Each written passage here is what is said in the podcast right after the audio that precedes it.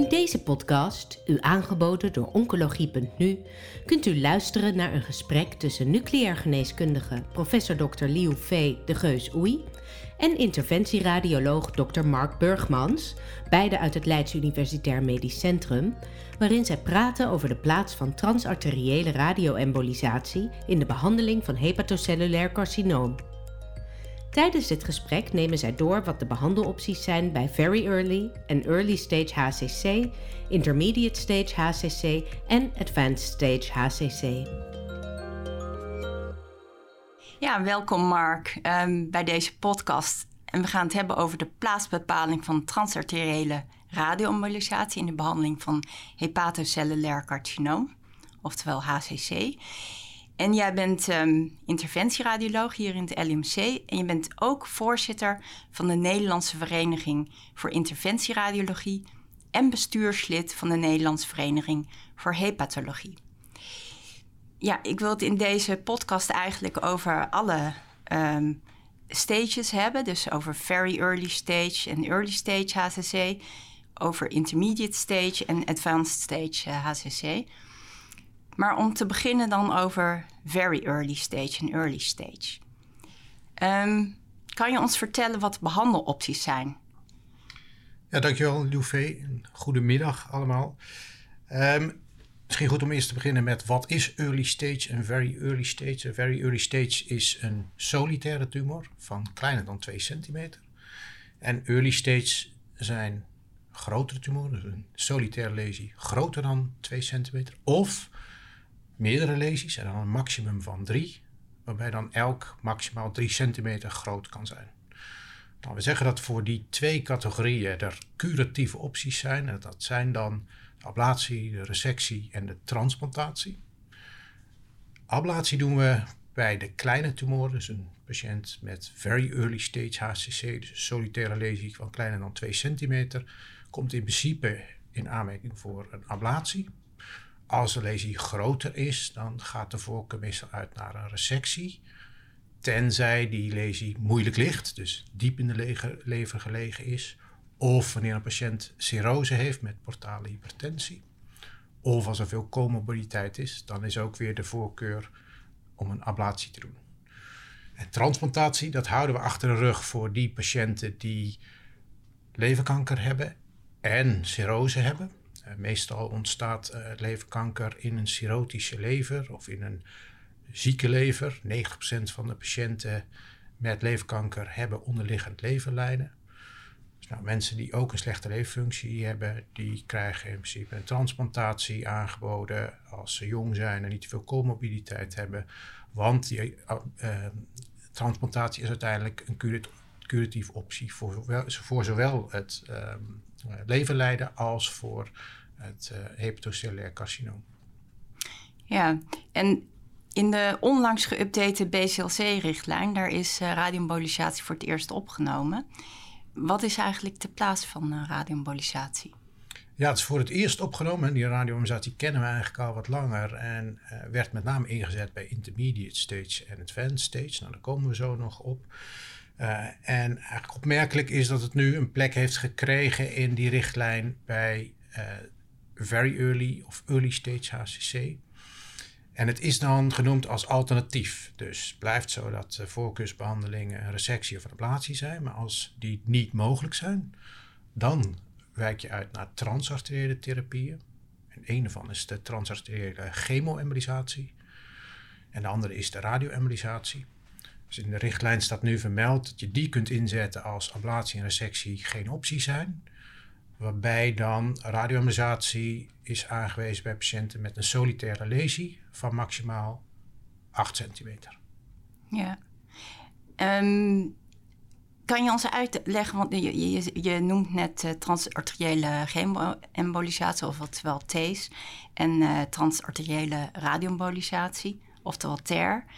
Je, kan je ons uitleggen wat de principes van beide behandelingen zijn? bij T zit dat al besloten in de naam, hè, transarteriële chemoembolisatie, dus een component embolisatie. Dat is waarschijnlijk het voornaamste. We injecteren dan uh, een emboliserend uh, drug, meestal zijn dat bolletjes, en die sluiten een bloedvat af. Dus die veroorzaken ischemie van een tumor. Dat is het hoofdprincipe. Maar die bolletjes zijn ook geladen met chemotherapie. En die chemotherapie wordt dan langzaam losgelaten. Ja, meestal is die uh, loslating in de orde van uh, 1 tot 2 weken. Dus wordt dat gezwel ook nog blootgesteld aan chemotherapie. Uh, bij de radioembolisatie is het werkingsmechanisme anders. Dat is gebaseerd op radiatie. Eigenlijk is die embolisatiecomponent um, vrijwel te verwaarlozen. De bolletjes die je gebruikt bij radioembolisatie zijn veel kleiner en die veroorzaken dus ook weinig tot geen emboliserend effect. dus het is met name radiatie wat daar een rol speelt. Ze noemen het daarom ook wel selectief interne radiatietherapie, om aan te geven dat het eigenlijk niet een emboliserende therapie is. En in welke gevallen kies je dan zeg maar, voor die chemoembolisatie en wanneer voor die radioembolisatie? Ja, dat is een moeilijke eigenlijk, zeker bij die uh, vroege stadia van HCC, want er zijn geen studies die dat uh, goed hebben vergeleken. Er zijn geen gerandomiseerde studies bij uh, early stage HCC, bij TACE en TER zijn vergeleken. Um, ja, vaak is het een voorkeur van de behandelaar voor het een of het ander. Ik denk bij patiënten die ook een vena porta trombose hebben, dat de voorkeur uitgaat naar een radioembolisatie.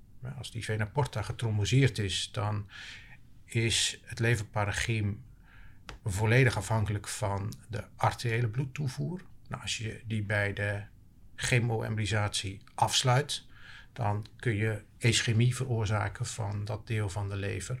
En dat kan ook ernstige complicaties hebben, zoals gallekkage, infectie. Dus bij iemand met een portoembolisatie kies je zeker voor een radioembolisatie. In andere gevallen is dat een beetje arbitrair. Ja, en um, eigenlijk het principe is ook gebaseerd op uh, radio, radiatiesegmentectomie. Hè? Kan je ons dat principe uitleggen? Ja, radiatiesegmentectomie is iets wat de afgelopen jaren in zwang is geraakt. Um, wat je daarbij doet is het segment waar het geweld zich in uh, bevindt, uh, blootstellen aan een hele hoge dosis uh, radiatie. De lever is opgebouwd uit acht verschillende segmenten. Nou, als er dan bijvoorbeeld in segment 7 het gezwel zit, dan zoek je de segmentsarterie van segment 7 op.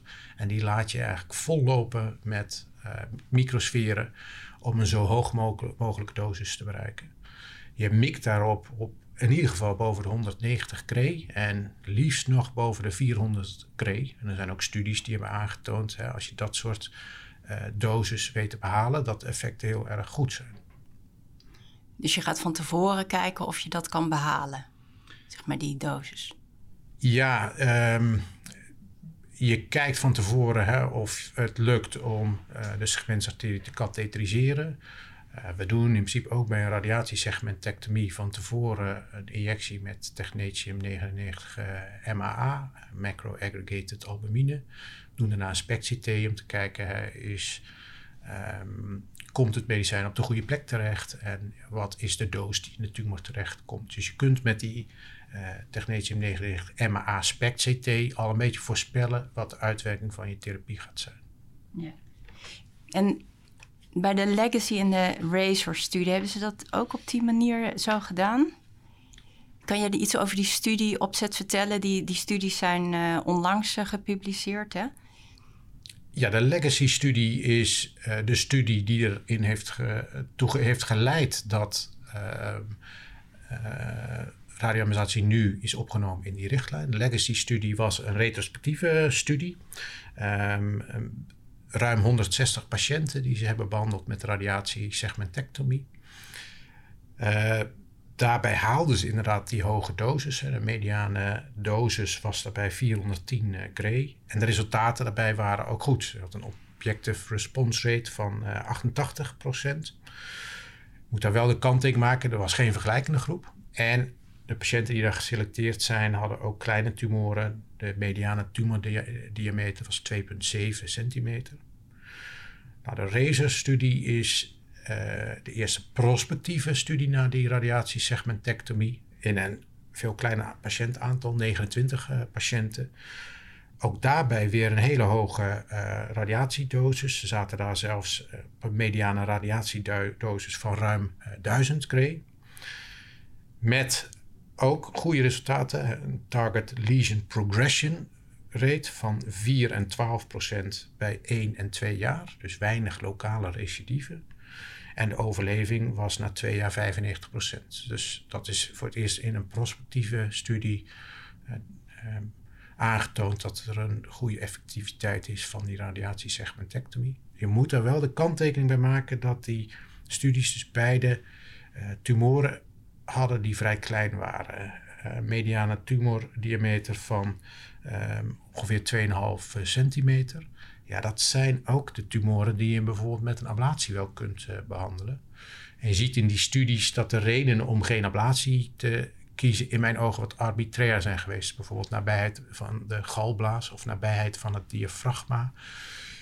In de regel durven wij dan in ons ziekenhuis ook gewoon een ablatie uh, aan. Um, en heeft dat onze voorkeur. Maar die um, overall survival en ook die duration of response... Um, die, uh, dat zijn ontzettend uh, mooie resultaten. Is dit vergelijkbaar met uh, curatieve behandelingen? Ja, dat zit in de range van de ablatie. Dat zijn wel resultaten die zich met de ablatie en de resectie kunnen vergelijken. Dus dat zijn hele goede resultaten in nog betrekkelijk kleine patiëntenaantallen. En het zijn in beide gevallen ook single-center studies. Dus nou, wat we nodig hebben zijn toch grotere studies in meerdere centra en dan liefst nog met een vergelijkende arm. En denk, denk je dat die nog uh, opgezet gaan worden, nu dit zo in de richtlijn terechtgekomen is? Oeh, dat zijn geen makkelijke studies natuurlijk, want je hebt uh, uh, behoorlijk grote patiëntenaantallen nodig. Het zullen ook non-inferiority trials zijn. Nou, per definitie heb je dan alweer grotere patiëntenaantallen nodig. En ik vraag me ook af of ieder centrum bereid is om mee te doen. Uh, je moet een wat lagere threshold hebben voor je ablatie. Dus je moet wat eerder zeggen, denk ik, nou deze patiënt is niet geschikt voor een ablatie omdat hij ligt bij het diafragma of ligt bij uh, de galblaas. En dat betekent ook wel een beetje een verandering van de praktijk, uh, in ieder geval voor ons centrum. En ik denk dat daar meer centra zijn um, ja, die, die daar niet zo snel toe bereid zouden zijn. Er zijn nog wat haken en ogen. Zeker, er zijn heel ja, wat haken precies. en ogen aan zo'n studie. Ja, ik wil eigenlijk uh, met je overstappen op de intermediate stage HCC. Hoe zit het daar eigenlijk bij? Wanneer kom je, kom je dan nog in aanmerking voor een transplantatie? En wanneer kies je voor TSTR of uh, systemische behandeling? Ja, de uh, therapie van eerste keuze is een uh, chemoembolisatie um, bij intermediate stage. Er zijn in 2002 twee gerandomiseerde studies geweest... waarbij ze TACE hebben vergeleken met Best Supportive Care. Nou, beide studies waren positief. Dat wil zeggen dat TACE een, langere overleving gaf dan Best Supportive Care. Dus daarmee is TACE ook de standaardtherapie geworden voor die patiënten. Een transplantatie, daarvoor kom je in principe niet in aanmerking. Um, je bent dan buiten de zogenaamde Milaan-criteria. De Milaan-criteria zijn dat je maximaal één lesie mag hebben van 5 centimeter... of maximaal drie van maximaal 3 centimeter elk. Dus dat is eigenlijk de categorie early stage. Dus intermediate stage val je er buiten. Maar wat wel kan, is dat je gedownstage wordt. Dat wil zeggen dat je uh, behandelt. En als je dan radiologisch een goede respons hebt. En met wat je aan de resttumor meet, zit je wel binnen de Milaan-criteria. Dan kun je alsnog in aanmerking komen voor een transplantatie. Ja, die, die twee studies waar je het net over had, dat waren eigenlijk vrij kleine studies. Hè?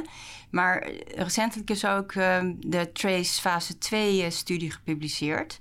En kan je ons vertellen wat daar de resultaten van waren, wat de studieopzet was? Ja, er is heel lang uh, gedacht, goh, is de radioembolisatie nou een alternatief voor de chemoembolisatie?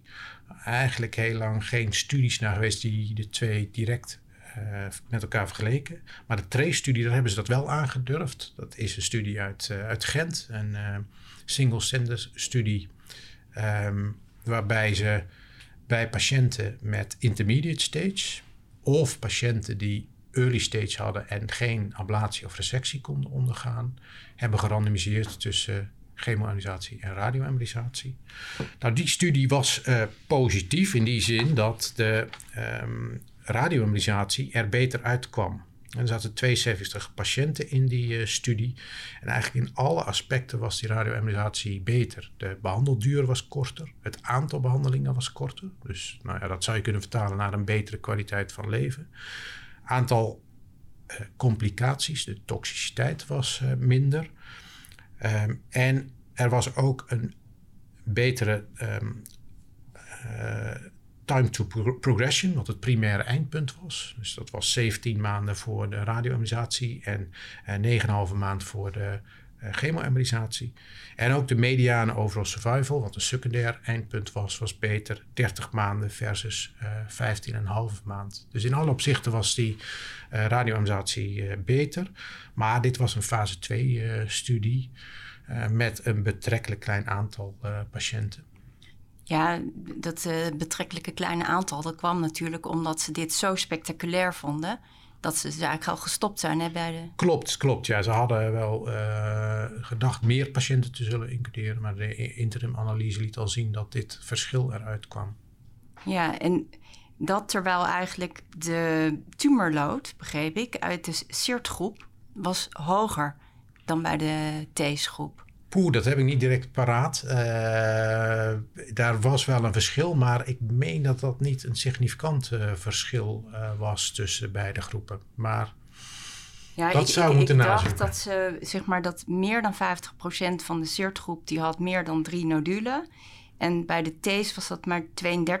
Dus zeg maar de baseline karakteristieken van beide groepen waren dus niet vergelijkbaar.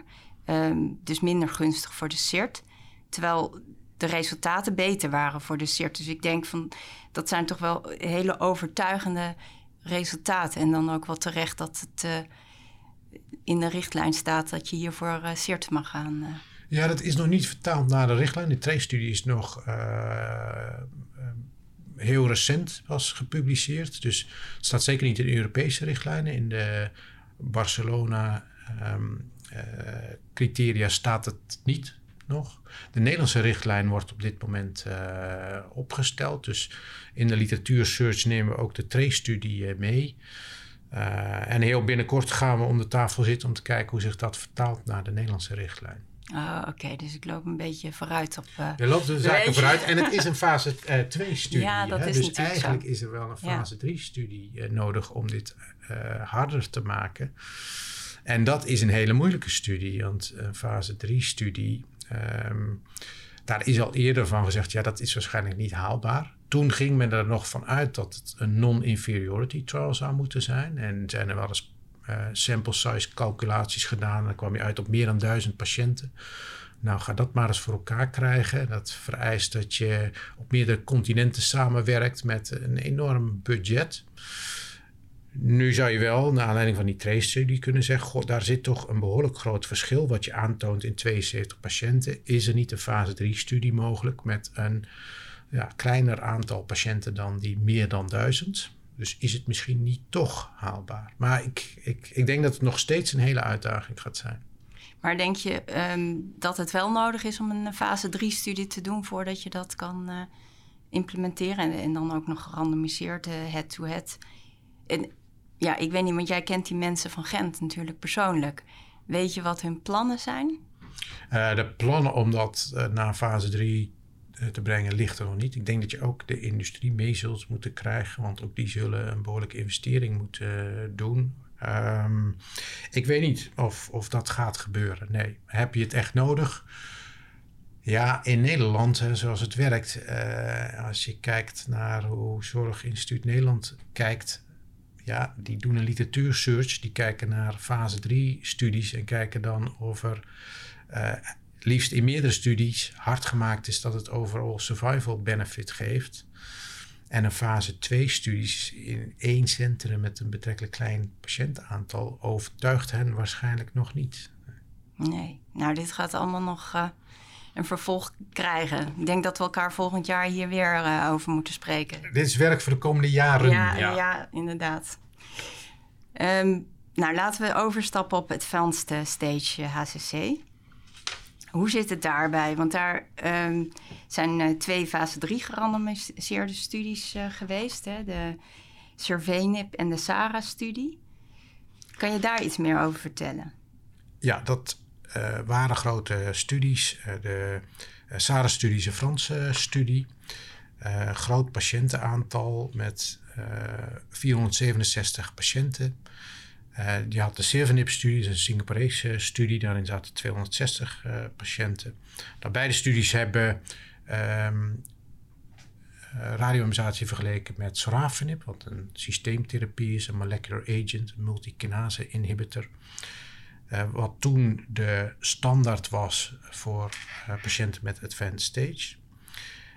Het ging ervan uit dat radioimmunisatie superieur zou zijn ten opzichte van uh, sorafenib um, eindpunt overall survival en het waren fase 3 uh, studies.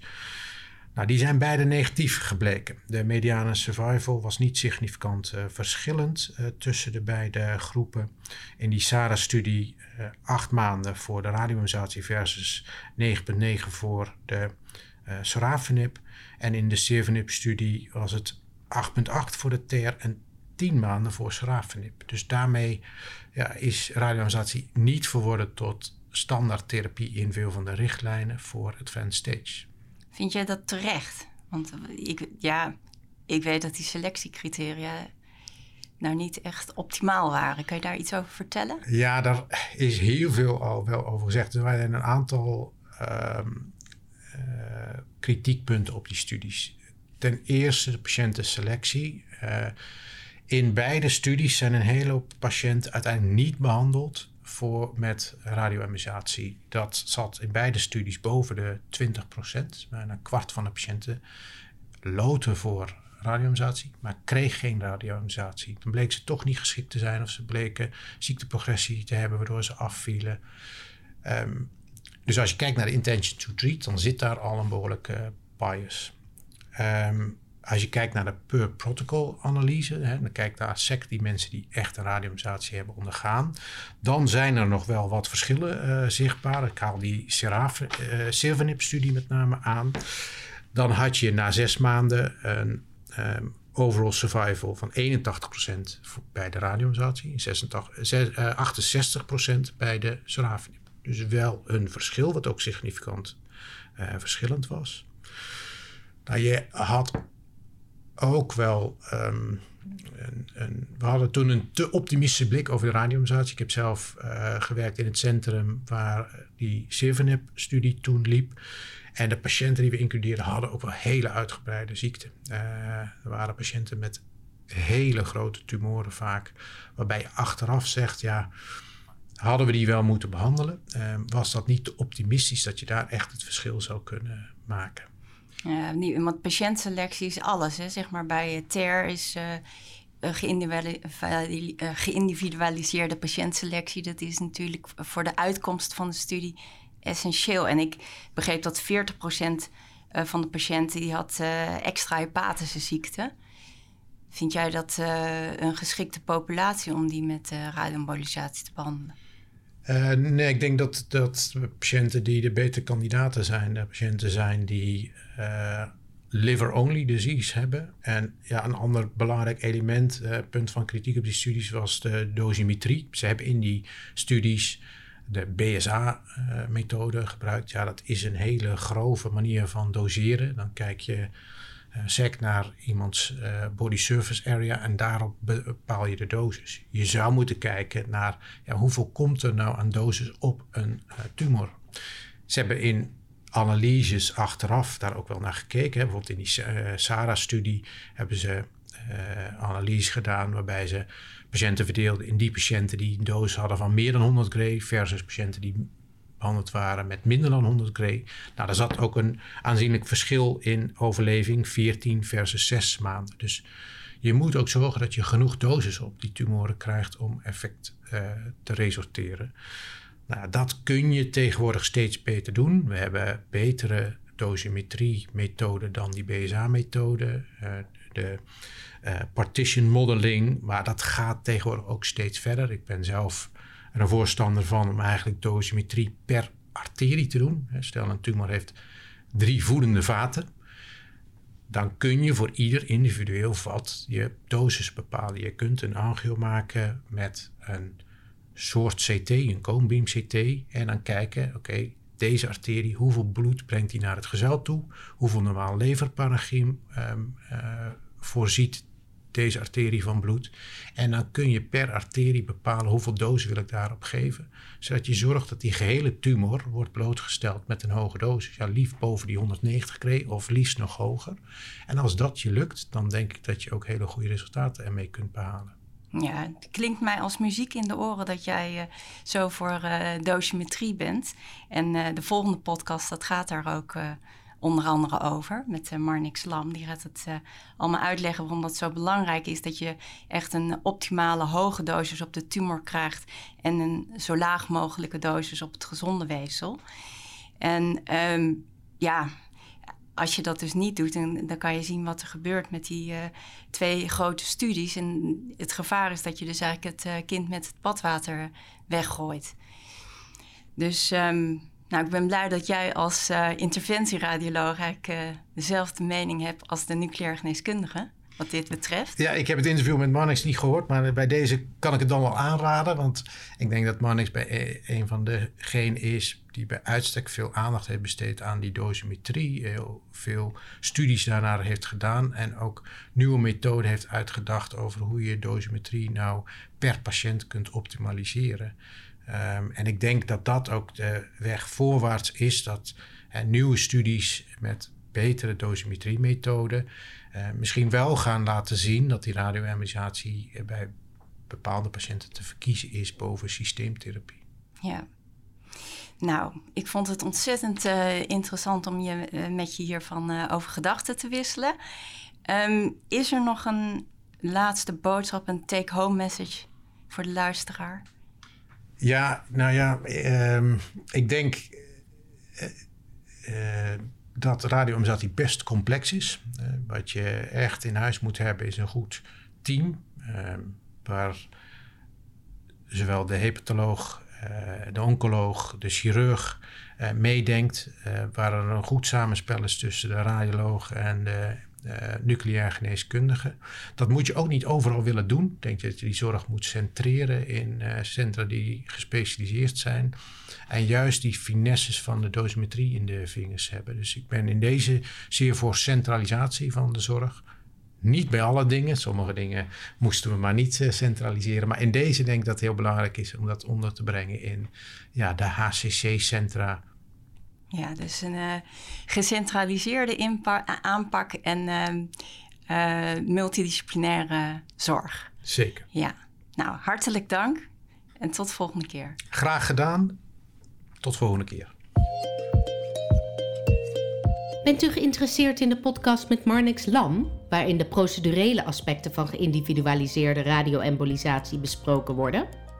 Deze is te vinden op het podcastkanaal van de website oncologie.nu.